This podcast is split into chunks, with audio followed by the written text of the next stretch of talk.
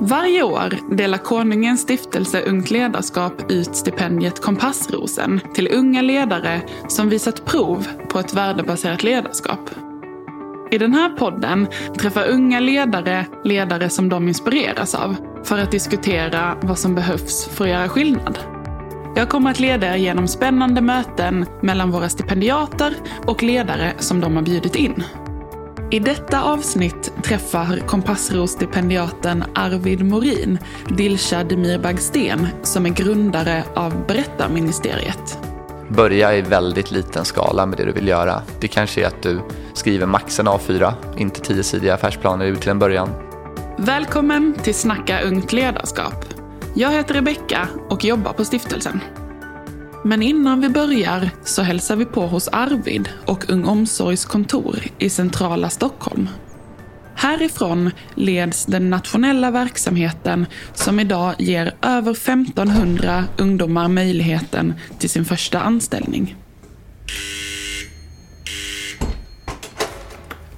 Hej, välkommen. Stig på. Jag heter Arvid Morin och jag är 31 år gammal och jag fick eh, stipendiet Kompassrosen 2012 i kategorin näringsliv för mitt engagemang där jag har startat och driver företaget Ung Omsorg som jobbar med att organisera ungdomar ute på äldreboenden där de gör sociala aktiviteter för äldre. Då är vi här på Ung Omsorgs lilla kontor här då. Det är här som mycket händer. Vi har väl nästan över tusen ungdomar varje år som kommer in på anställningsintervju här. Här sitter egentligen alla som jobbar lite så övergripande med att hålla ihop verksamheten. Så det är då jag och min kollega Benjamin och sen så har vi eh, då två verksamhetsledare som jobbar heltid också tillsammans med oss med att eh, organisera och hålla ihop och så. Så här är våra verksamhetsledare, Karin och Fanny. Och en av våra verksamhetsansvariga, Hanna, som också är inne och jobbar. Här på väggen, som är lite svårt att se för er som lyssnar, men här finns i alla fall en karta där man ser alla äldreboenden vi är verksamma på idag. Det är faktiskt nästan över 160 äldreboenden nu över hela Sverige. Och annars så har vi här vårt rum som kallas för Klippan. Och det är namngivet efter vårt nordligaste äldreboende uppe i Haparanda. Vi började med Ung Omsorg. Det var egentligen två saker som vi hade sett. Där det ena var egentligen min egna erfarenhet av att eh, det är svårt att få extrajobb när man är 15-16. Det kombinerat med att min kollega Benjamin hade mormor och farfar som bodde på äldreboende så hade väl han sett behov inom äldreomsorgen för att det inte alla närstående idag har tid att hälsa på äldre regelbundet varje helg. Och då tänkte vi att kanske ungdomar har en viktig roll att fylla där. Att man kan få som ett första extrajobb att just åka ut på äldreboenden för att bara göra det sociala tillsammans med de äldre. På väggen här i köket sitter också eh, tavlan som är från när jag fick stipendiet 2012 så eh, den är väldigt eh, fin. Det är någonting som jag verkligen tittar på och minns den. Det var en väldigt speciell stund att faktiskt få komma till slottet och träffa kungen, skaka hand med honom och det var nog en av de häftigaste upplevelserna i livet. Och den blir en påminnelse om, eftersom det var lite en sån här, ett kvitto att man hade gjort något bra men lite en skjuts på vägen att fortsätta med det du gör. Så det är kul att se att eh, fortfarande då man efter sju år efter att jag fick stipendiet så är det fortfarande samma verksamhet som jag lyckas utveckla ännu mer. Det är kul att se och påminna sig själv om. Jag tror att folk hade beskrivit mig som, som ansvarstagande och med bra värderingar, hoppas jag. Och jag vill gärna att eh, folk ska kunna lita på mig och det som jag gör och också kunna förmedla en sorts vision till andra och inspirera dem att kunna så här, vilja jobba mot ett gemensamt mål. Det är en väldigt så här, häftig känsla att jobba just med med just möten med äldre. För bara det att fråga någon hur deras dag har varit eller vad de har jobbat med i sitt liv och så, så kan man se att de verkligen skiner upp av att någon bryr sig om dem och någon lyssnar på dem. Och man blir alldeles så väl mottagen som om man skulle spela lite på en gitarr eller ett piano och se hur verkligen det blir veckans höjdpunkt för de äldre. För att det, det är inte så ofta som du kommer dit någon och spelar på det där pianot. Och det viktigaste är ändå att faktiskt unga och gamla träffas för det gör de för lite i dagens samhälle. Och här finns också mitt eget rum där vi sitter om dagarna. Och mest mycket är ute och reser också men här är i alla fall en plats där man kan landa lite grann och hämta energi och sitta och beta av mejlkorgen då till och från när man inte är ute och träffar människor. Men annars är det det roligaste att vara ute just på åka tåg runt i Sverige och besöka äldreboenden och skolor och nya kommuner och andra samarbetspartners och så. Det har ju inte varit alltid en superlätt resa, men det har varit väldigt kul hela tiden. Och jag kan verkligen rekommendera alla som har en idé och går och funderar på något man vill förändra att verkligen ge det en chans. Jag har valt att träffa Dilsha Demirbagsten som är grundare och har byggt upp en verksamhet som heter Berättarministeriet. De jobbar med att eh, skapa besök för skolungdomar ute i förorter som får komma till deras skrivarverkstäder där de får lära sig förmedla sig i skrift. Jag vill prata med Dilsha om hur hon tänkte i början när de startade sin organisation och vad har de gjort på vägen när de har växt? För de har också spridit sig till flera platser. Och hur gör man för att bibehålla samma kärna i en organisation som sprider sig på flera platser i landet och många nya människor som kommer in? För det är inte alltid så lätt, men det är väldigt viktigt. Då hälsar jag välkomna till ett nytt avsnitt av podden Snacka ungt ledarskap. Idag med Kompassro-stipendiat Arvid Morin som är grundare av Ung Omsorg och Dilshad Demir Bagsten som är grundare och generalsekreterare för Berättarministeriet. Välkommen hit. Tack så mycket. Superkul att ha er här och att under ett samtal få fördjupa oss kring ja, ledarskap, värderingar och våra personliga drivkrafter. Hur korsades era vägar? Det var ju genom ett eh, mentorskapsprogram som jag sökte till. Och eh, så blev jag sen ihopmatchad med eh, Dilsha som min mentor. Och vi hade ett väldigt trevligt mentorskapsprogram. Och det var så trevligt att vi fortsatte äta luncher regelbundet efter det. Och eh, på den vägen är det. Ja, verkligen. En av de bästa sakerna som har hänt mig professionellt. Att träffa Arvid. Jag har lärt mig så mycket av Arvid under den här resan. För det som förenar er är att ni båda har grundat och byggt varsin organisation. Hur, hur går det till när man har en idé, en vision eller en dröm och vill förverkliga den? Hur börjar det där? Vad, är det, vad händer i en? Just den här startpunkten tror jag ofta alltid börjar med en händelse som gör att du, vill, du känner att det här, det här fungerade inte på det sättet jag ville och det här skulle jag vilja göra på ett annat sätt. Och i mitt fall så var det ju när jag sökte extrajobb första gången, när jag var, tror jag var 14 eller 15. Vi hade haft en sån här svenska lektion så man får lära sig hur man skriver CV och personligt brev. Säkert många som, ni har säkert också haft dem läraren rättar en CV och man har satt upp alla sina fina meriter man har där. Bullerbaket man gjorde med mamma och sålde på gångvägen när man krattade kottar med pappa. Och, ja, man har alla sådana meriter med. Och sen så får man liksom rätta läraren och säga att det här var ett bra CV. Och sen eh, gick vi ut och skulle prova att söka jobb på riktigt med det här då. Och åkte till eh, Barkarby handelsplats som ligger vid Ikea där nordväst om Stockholm i Järfälla där jag är uppvuxen då. Och eh, vi lämnade in de här, vi skrev ut ett 20-30-tal exemplar och åkte runt till varenda butik där, för vi var verkligen målinriktade, jag och min kompis då. Och eh, lämnade in i nästan varje butik de här CVna och frågade om det fanns extrajobb och så här. Och eh, vi fick ett svar och det var från en butik som sa nej. Det här var en sån grej som jag hade med mig lite. Jag tycker det var väldigt tråkigt att det inte fanns något bra sammanhang för ungdomar att komma ut i arbetslivet på. Att ofta förväntas att du ska ha blivit 18 för att kunna stå i kassa eller kunna stänga. Och många sådana regler är kopplade till att man ska ha fyllt 18. Så det blir mycket lättare så fort du har gjort det. Det väckte någon sorts tanke hos mig. Och sen så hade jag med mig den under många år. Och sen när mina vägar korsades med Benjamin, då, en annan min kollega som jag startade Ung med, så hade han perspektivet från äldreomsorgen att där behövdes det också personer som kunde göra sociala aktiviteter för äldre som inte alltid får besök från närstående och så. Och eh, där lite föll de här två bitarna på plats då, att då hade vi egentligen två problem som vi faktiskt kunde lösa med en verksamhet och som går ut på att organisera ungdomar som besöker just äldreboenden för att göra sociala aktiviteter. Mm.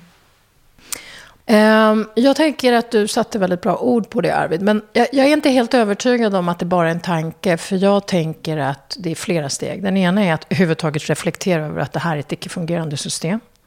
Börja fundera och låta tanken mogna, det vill säga få en idé dessutom.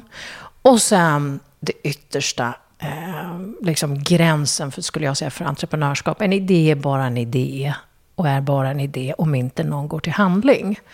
Så jag skulle säga liksom också det här med att förutom att se en utmaning, ett problem eller någonting som behöver lösas, till att ha idé också om hur det skulle till och med kunna ske, som man säkert får revidera, vet inte hur många hundra gånger på vägen. Men inte låta det stanna där, för det är många människor som på bär lysande idéer. Utan det är den här handlingskraften, vilket jag menar, Mod är ju the first virtue, alltså att våga ge sig ut i det där ovisa och ganska riskfyllda och ibland rent ekonomiska katastrofläget man hamnar i för att lösa ett problem.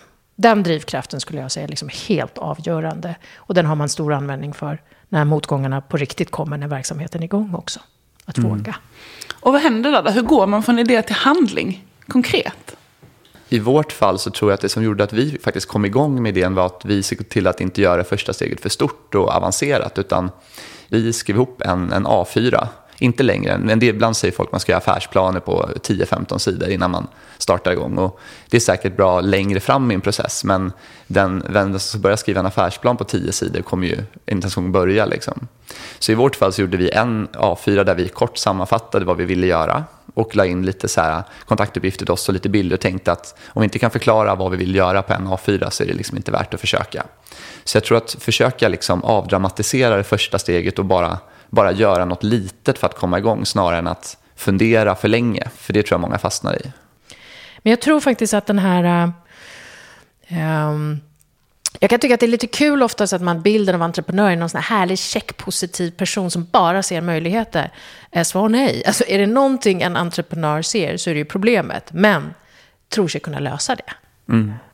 Och eh, framförallt inse att det, det, är ju mycket jobb i början. Och det ska man ju inte, så här, det ska man inte tro att någonting går av sig själv. Och man måste vara lite smått galen, men det är väldigt kul. Och det gäller att alltid ha kul hela vägen och göra det med ett leende på något sätt och inte ta det för allvarligt. Liksom. För det är ändå, livet är liksom en lek och det, det är ut och prova och se vad som händer. Det värsta man kan få är ett nej eller att Ja. Alltså man går ju loss på någon som har en hel knäpp idé. Och verkligen uppriktigt känner att man känner energi. Det här kommer jag att göra.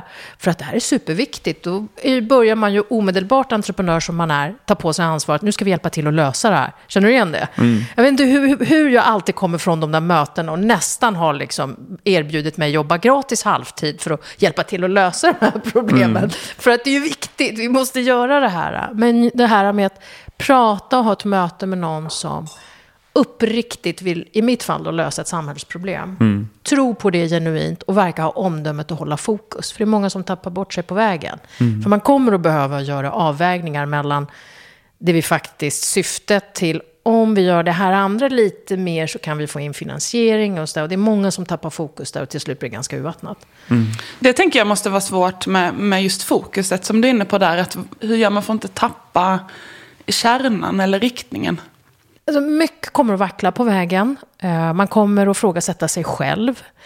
Men om omdömet till varför man gör det här ifrån grunden sitter. Var är, var, varför ska vi fatta de här besluten? Varför sätter vi upp de här målen? Varför tackar vi ja till det här samarbetet? Men också varför måste vi tacka nej till det här samarbetet? Det är omdöme. Och Fredrik Hillersson, han sa klokt till mig en gång att mycket kan man lära folk. Alltså man kan träna upp folk till det mesta. Men omdöme, jag vet inte attan om det inte är någonting man antingen har eller inte. Jag vet inte, men jag noterar att det är helt avgörande. Mm. Nej, men det är svårt. Alltså, jag vet, det, som kan, det som jag har lite lärt mig, vi har ju varit tre stycken från början, så, och det har varit en styrka att man är flera personer. För många som, är så här, som startar saker är ofta idésprutorna. Och idésprutorna gillar att starta och de har mycket idéer. Men det kan behövas att man teamar upp med någon som snarare är så här, ja, men nu sätter vi en tydlig plan och nu ska vi följa upp den här planen och nu ska vi hålla oss, hålla oss på vägen där. Så det kan också vara lite så här, göra en liten reflektion själv om man är för personlighetstyp och hitta någon som kompletterar en själv. För jag är nyfiken nu på sån men hur får man sina organisationer att växa och bygga organisation? I vårt fall så startade vi verksamheten, då var vi, i början var vi med på varje arbetspass ute på varje äldreboende med våra ungdomsgrupper. Men vi insåg väl så ganska snabbt att det går ju inte att om vi, vi kan inte vara med på varje pass, då blir det inte så mycket verksamhet vi kan ha om vi ska vara med på varje pass. Och det här tror jag lite att om man vill få en organisation att växa så måste man ju lämna över lite grundverksamheten till någon annan. Och det kan vara lite jobbigt kanske om man tycker det är kul och man, det är kanske det man brinner för framför allt. Och det är kanske mycket tråkigare att vara ute och träffa potentiella samarbetspartners eller nya kunder. Eller, men det är kanske är det som är viktigast om man ska få en organisation att växa. Och men eh, samtidigt såklart alltid behålla en del av det så att man inte tappar hjärtat på vägen. Men så det kanske... Mm, jag tänker att som, som grundare, som vi mm. bägge är, så har man verksamheten i sitt DNA. Du behöver inte vara på plats för att känna vad ungomsorg är. Du vet mm. det, du har skapat det. Det är ju så här, när du kliver av, när det mm. kommer in någon som har ansökt om den här tjänsten, men inte har gråtit de här tårarna på natten, legat mm. sömnlös, slitit och varit nära på att lägga ner verksamheten, tagit det uppåt. Hur skapar man strukturer mm. för att bevara den här kulturen som man vet efter några generationer ändå kommer att dö, som alla organisationer? Ja, men det är intressant. Vi, vi har ju vi har ju ett superbra, verkligen, de som är, vi har ju några, anslutit några heltidsanställda verksamhetsledare då, som också jobbar och sköter operativa och som verkligen, jag sover ju bättre på natten nu när de har ansvaret än när jag tidigare själv hade det. Mm. Och, eh, men, och det, vi, har haft, vi har haft förmånen att alla de har ju kunnat rekrytera, har ju börjat hos oss för kanske 6-7 år sedan som du säger. Då får man ju med den här, de har ju jobbat i många olika roller, de har varit mycket ute på, de har ju fått in ungdomsomsorg i sitt DNA och vet precis vad, vad vår kultur är.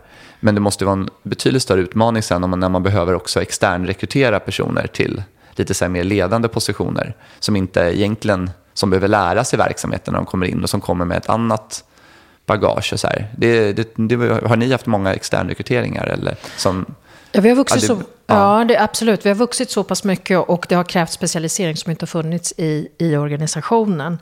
Men det är ju inte för inte så många företag föredrar interna rekryteringar. Och Electrolux har ju varit liksom en oskriven regel att man börjar som dammsugarförsäljare och jobbar sig upp för att man ska mm. ha det i sitt DNA. Så det är inte så konstigt. Men vad skulle du säga, vad är det viktigaste att tänka på man, när personer kommer in utifrån och kanske ska, så här, om ni startar på en ny ort och det kommer in personer som ja, som inte egentligen har, har ju, känner till verksamheten så bra sedan tidigare. Och hur, hur gör ni för att liksom behålla den, ert DNA när, när, det, när det blir nya personer som kommer in? Eh, allt ifrån hela rekryteringsprocessen i kommunikationen. Vad är det man kommunicerar? Vem är man? Och så vidare. Men, men mötet med oss. Vilka frågor ställer vi? För det signalerar vi också vad som är viktigt. Men när väl medarbetaren börjar, aggressiv onboarding. Intensiv, aggressiv. Låt det ta den tid det tar. Så att, så att den nya kollegan har alla förutsättningar att ta till sig, det här är vår kultur. Så här gör vi på BM. Och det där gör vi inte. Mm. Var hittar ni inspiration och kraft att, att leda? Jag hittar ju framför allt är det när jag ser någon av de ungdomar som jobbar hos oss som tar ett, eh, tar ett nytt steg och vågar någonting mer idag än vad de vågade igår. Alltså när man märker någon som för första gången går upp och kanske håller, när vi har en personalträff, när någon går upp för första gången och håller en presentation inför hela gruppen Någonting som jag idag tycker inte är något problem. Men jag vet när jag själv var, gick på gymnasiet var jag livrädd för att tala inför folk. Jag vet hur stort steg det är att kunna gå upp på en scen och kunna prata för kanske 80 personer i en aula som många gör hos oss, kanske första gången i livet. Och det, det tycker jag är sjukt häftigt att se. Och eh, där får jag verkligen energi tillbaka och då krigar man vidare. Ja, för mig är det nog existentiellt. Vi, jag tror inte på liv efter döden och sådana grejer. Så att, så jag skulle säga att, att ledarskap i den egna verksamheten som man har varit med och skapat um, är egentligen en existentiell dialog med sig själv. Vad är mina grundvärderingar? Vem är jag? Vad är viktigt? Och jag vill ju ändå, innan man liksom sätter näsan i vädret, ha bidragit till något så enkelt som att den här, det här landet, skulle jag säga, faktiskt, och därmed världen, att jag har bidragit till att göra den lite bättre. Det är jätteviktigt för mig. Så jag är ju idédriven. Och om vi då förflyttar oss till det mer personliga ledarskapet som vi faktiskt är inne på nu och börjar titta på era värderingar och, och drivkrafter. Vad, du har varit inne lite på det, men vad, vad kommer det ifrån? Vad kommer dina värderingar ifrån? Alltså för mig är det nog ganska lätt. Jag är flyktingbarn. Eh, jag är född i en familj, en minoritet i Turkiet som har varit förföljd länge. Och, Så där. och sen flydde vi till Sverige och vi fick väldigt snabbt uppehållstillstånd. Det var liksom väldigt öppna gränser. Man ska komma fram att det var ju bara eh, Ryssland och, och eh, Turkiet som hade passkontroll överhuvudtaget till fram till början på 1900-talet. Det kan vara bra att påminna sig om det. Men så när vi kom till Sverige och att jag sitter här överhuvudtaget känner jag att jag har tackat det. Liksom. Varje bibliotekarie jag mött på vägen och det svenska skolsystemet som jag har liksom, som alla tycker är självklart en god och jämlik utbildning och det kompensatoriska uppdraget. Alla i Sverige tar ju det för givet, men det är verkligen inte något att ta för givet. Så, och så kommer jag från en politiskt engagerad familj med en viss kultur som jag inte säger nödvändigtvis är bra, för jag är ju kritisk ändå till delar av min uppväxt. Men det är liksom, man ska ägna, ägna sig åt idéarbete eller konst. Det är liksom, allt annat är ju bilhandlare, hävdar min pappa. idéer och konst är det enda, allt annat är bara trams. Men så är det ju inte i och för sig, men det tycker jag absolut inte. Men eh, så jag kommer därifrån och jag tror att jag har fostrats till att man engagerar sig politiskt. Eller idémässigt, det måste ju inte vara partipolitiskt. Ehm, och jag tycker att det är där det händer, där de största utmaningarna är. Alltså att göra det goda för samhället. Det är så pass långsiktigt utmaning. Ehm, men jag tror, än en gång som jag sa tidigare, att det är ju eh, i grunden en önskan om att få vara den människan man vill vara. Och det erbjuder entreprenörskap och ledarskap en plattform för. Mm. Så ser jag det jag tror att mycket av det jag har med mig, framförallt ifrån mina föräldrar, är mycket värderingar kommer från där. Att pappa har alltid varit engagerad i samhällets bästa på något sätt. Och eh, sen så har jag fått från mamma har fått väldigt mycket omtanke just. Att alltid liksom tänka på, på andra människor. Och, ja, på något sätt, mamma är verkligen, bara, hon är verkligen snäll. Och det är någonting som också jag har haft med mig, att det är viktigt att vi är snälla mot varandra. Att inte så här underskatta att just vänligt och snälligt. Och att det, det, ibland så finns det inte med när samhället går så fort. Men jag tror att det är viktigt att liksom ha med sig den biten också när man bygger en verksamhet. Att man måste ha, även om man behöver bygga mycket med processer och strukturer så behöver man ändå alltid ha det behöver alltid finnas ett hjärta som kan, liksom, som kan skita i vad man skrev i processdokumentet när det väl behövs. För mm. att det kommer liksom inte gå att tänka igenom alla situationer i förväg och så. Så ja, jag tror att därifrån har jag fått mycket. Och sen så skolan som du säger också många lärare man har träffat under uppväxten. De har haft, eh, vi hade en lärare på mellanstadiet, hon liksom formade sån här gemenskap i klassen. Och liksom, hon brukade stå och skrika så här, vilka är världens bästa klass? Och så svarade alla vi så här, 4B! Det var gulle. Och det, det engagemanget på något sätt och det att hon, hon verkligen brydde sig om oss. Och det, det är sånt som man får med sig, att det är viktigt att få skapa liksom en liten, ja men vi var ju, vi var ju stolta att vi gick i 4B liksom. Vi var ju världens bästa klass liksom. Lite så här förmedla den, den känslan också när man är med i någonting, att just att man ska, man ska känna att man är utvald, att man också känner stolthet över att, exempelvis om man får börja jobba hos oss, att vi vill att de verkligen ska känna sig, det ska vara, man ska känna att man gör någonting bra och att man verkligen är stolt över det. Och en sån tillhörighet det är otroligt viktigt för mig att göra något för någon utanför min första krets. Alltså någon som jag egentligen inte har någon anledning ens att träffa. Den kopplingen mellan mig och främlingen är viktig för hela sammanhållningen i samhället. Att man är beredd att kämpa för någon annans rätt som inte är kusin, granne, någon som jag har träffat, de mina. Så att det inte blir det här mina barn och andras ungar, utan vänta, det är våra barn. Den kopplingen eh, tycker jag man ganska snabbt kan höra människor som har startat något för att någon familjemedlem har råkat ut för något och så utgår det från det behovet. Eller om det är att jag ser att det är barn som inte får en utbildning eller äldre som sitter ensamma liksom på, och jag vill göra någonting åt det. Det vill säga att sträcka sig bortom sin första krets är ändå en kvalitetsstämpel och också ett karaktärsdrag, tänker jag. Den brukar jag vara nyfiken på när vi rekryterar.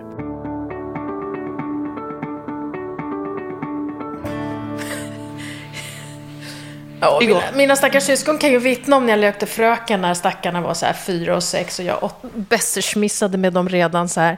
Gjorde hemmagjorda övningar och skulle tala om för dem hur det funkade. Och just den här bessersmiss i karaktärsdraget är ju nog konstant. Är du äldsta syskonet? Ja, kan man lugnt säga. Jag är också stora syskon. Jag vet inte om det påverkar, vi låter det vara osagt. Nej, men skämt åsido, jag tror att det kom främst på slutet av gymnasiet när jag, när jag mönstrade. Men när jag gick till mönstringen så gör man en massa tester och man svarar på en massa frågor och allt möjligt. Så här. Och sen så är det, sitter man med någon psykolog och pratar och de frågar allting om lite ens uppväxt och lite vem man är och saker och ting. Och, så här. och helt plötsligt så säger de så här, nej men du borde bli, vi vill att du ska bli plutonbefäl här, i den här nere i Halmstad. Och så fick jag åka ner då och göra lumpen som plutonbefäl och testa hur det var att vara en ledarroll. Jag var väldigt nyfiken på det. Och eh, det var väl där jag upptäckte att jag verkligen tycker det är kul att vara ledare och att få ansvar för både en grupp och en uppgift. Och, för det var något som kanske inte riktigt jag hade haft en sån roll tidigare. Men jag upptäckte där att det är något som är kul och som jag vill fortsätta med. Men jag tror att man är behjälpt lite grann av att tidigt ha fått ta ansvar och växa med det. Och, och jag tror att det är liksom ett karaktärsdrag för den typen av ledare är ju också att man oftast har lid på att lösa saker. Om det så är bara boka något eller liksom fixa saker så är man ju snabb att säga ja. Vad betyder ett värdebaserat ledarskap för er? Jag tror att ett värdebaserat ledarskap handlar ju bara om att låta sina personliga värderingar avspegla sig i de besluten man tar. Så att om man tycker riktigt med att det är saker och ting är rättvist exempelvis så kan man ju inte ta ett beslut som man själv upplever som orättvist. Så jag tror det handlar om att ha, liksom, dels känna sig själv först och därefter kunna applicera det i den verksamheten där man jobbar. Man kommer göra mycket fel på vägen och känna att det här kändes verkligen inte bra i magen. Det här blev inte rätt på något sätt. Då, när man väl gör det så blir det en, det blir en lärdom på något sätt. Att då bygger man ju långsamt upp den här kopplingen till sina värderingar som gör att man sen längre fram vet hur man ska ställa sig när olika situationer uppkommer. Mm. Vi kan väl lite nästan konstatera att, att vi är här när vi är med klimatkrisen och, och liksom med ganska stor ekonomisk ojämlikhet är ju snarare ett betyg på avsaknad av just det här reflekterande delen som är nödvändigt för ett gott värdebaserat ledarskap. Där pengar och makt speglar en syn på de här variablerna som mål snarare än medel. Eh, värdebaserat ledarskap har ju varken makten eller pengarna som mål, utan det är verkligen medel för att göra det som är målet. För du behöver förhålla dig till, är det här gott? Är det rätt? Att man har en uppfattning om vad som är rätt, och det är ju värderingar liksom. Och det måste man reflektera över, över hela sitt liv. Eh, finjustera det, men framförallt hur det ska spegla sen och, och uh, te sig i det operativa arbetet. Det är lite, egentligen är det lite som Star Wars. Man får tänka lite så här, är det the good side of the force eller the ja. dark side of the force? Vilken väg är vi, åt vilket håll är vi på väg åt nu? Liksom? Är det, som, jag tror du är inne på lite vad är, vad är, vad är rätt och vad är fel? Och, ja. Hur använder man sig av ett värdebaserat ledarskap? Jag tänker, man har sina personliga värderingar. Och hur kan, hur kan de synas i mitt ledarskap när det är lätt eller när det är svårt? Jag är kanske mest nyfiken på när det är svårt. Jag tänker som, som eh, då får man ju liksom plocka fram den här kompassen igen. Varför gör vi? Inte bara varför gör jag, utan varför sa vi att vi skulle göra det här? Mm. Eh, och om man kan titta sig i spegeln och säga att det här beslutet är helt och hållet fattat för verksamhetens bästa. Inte för att jag inte vågar, eller tvärtom att jag är arg, eller vad det nu är för drivkrafter som kan komma in och spela in det där. Då tror jag i slutändan att alla kan gå vidare. Men eh, om man ska vara uppriktig, där det blir svårt, det är ju relationerna. Mm. Vågar jag inte fatta det här beslutet för jag är mån om att bli omtyckt? Är det det som driver mig att göra saker mm. bra? Alltså vi vill ju alla bli omtyckta, så det är inte det. Men är det mm. det som är drivkraften? Eller tvärtom, är det för att jag är arg jag fattar det här beslutet? Men det är ju inget moget sätt att leda, ta ett steg tillbaka. Så det är mm. väldigt mycket självreflektion. Men, men jag skulle hävda, min erfarenhet utifrån mitt ledarskap, det är när det bränner till, det är relationer. Det är då det blir svårt. Mm. Stiftelsen Ungt Ledarskap har mod, omtanke och handlingskraft som våra värderingar. Vad betyder de för er? Eller om ni vill reflektera kring någon av dem? Jag tänker att mod direkt, precis som Dilsa säger, att, att våga lyssna på sina egna värderingar. Och det, det kräver väldigt stort personligt mod bara att kunna liksom själv stå, stå stadigt fast man vet att det här kommer göra att jag blir illa omtyckt under en period. Men jag tror att på sikt så kommer det här vara rätt för beslut för verksamheten och rätt beslut för, för mig på lång sikt att stå för. När man väl, och sen när man väl har tagit ett sådant beslut så för det ju också inne på nummer två, känner jag direkt, att har man tagit ett tufft beslut så måste man ju sen visa omtanke. För om det är så att någonting, någon kommer ta illa upp eller det blir dåliga känslor kring det så måste man verkligen våga lyssna på det och höra det och kunna förklara och stå för varför man har gjort på det sättet man har gjort. Och eh, ja, handlingskraft är också utan handlingskraften så blir egentligen det andra ganska tandlöst. För det var ju lite som vi var inne på, att det finns, man har ju mycket idéer, man har, många kan ha goda tankar och värderingar, men det gäller ju att agera på dem. För om man inte agerar på dem så, man kan sitta och vara världens bästa person uppe på kammaren, och, men det kommer inte påverka någon annan eller få något genomslag om man inte faktiskt vågar vara ute och handla på i sina i konkreta situationer och låta värderingarna vägleda en där. Ja, de liknar väldigt mycket våra värdeord på berättarministeriet. Vi har mod, syftesdriven och handlingskraft. Men jag håller med dig att det är faktiskt i den ordningen. Utan modet att utsätta sig för det obekväma, det svåra. Alltså människor som är rädda skapar ju inget. Um, så att vara försiktig är ingen virtue i min värld i det avseendet. Jag tror definitivt att det avgörande modet tar ansats ifrån en fond av tillit. Det ordnar sig. Vad har ni för tips till andra som vill förverkliga drömmar och idéer? Kanske genom att starta egna organisationer som ni har gjort? Helt klart att inte komplicera saker i förväg som jag var inne på tidigare. Och att ganska snabbt försöka påbörja någonting. Så eh, att inte, att inte liksom bygga en för stort hinder i början utan kom igång och då kommer det sen få mycket sen momentum av att du faktiskt märker att någonting händer. Mm. Att vi är alla rädda innan vi börjar. Att vara modig är ju inte att inte ha reflekterat, utan tvärtom. Vi har alla de där rädslorna som du har, vill jag säga till den här nyblivna entreprenören. Gör det ändå. Just do it. Eh, så än en gång, man kan lära sig av sina misstag, men man kan lära sig väldigt mycket av andras misstag. Och de flesta brukar ångra det de inte gör. Så kör. Mm, jag tror också, jag har faktiskt också haft det lite som ett sånt där motto, att jag tror att det så här, efterhand det är någonting som jag kan titta tillbaka på de situationer där jag har sagt nej och inte vågat göra vissa saker. Det är det jag ångrar snarare än de gångerna jag gjorde saker och ibland kanske blev ett magplask. Men det kan man nästan bara skratta åt. Det är sånt här material man kan ha om man står och håller någon föreläsning. kan man berätta om sina misslyckanden. Det är alltid jätteroligt. Alltså, så man Eller liksom håller låda på en middag. Ja men exakt, exakt. så det är, bara, det är kul. Ja, ja. Mm. Tusen tack för detta. Fortsätt att vara modiga, omtänksamma och handlingskraftiga. Tack. Tack. Du har lyssnat på Snacka ungt ledarskap. Podden producerades för Konungens stiftelse Ungt ledarskap av mediehuset Fanzingo.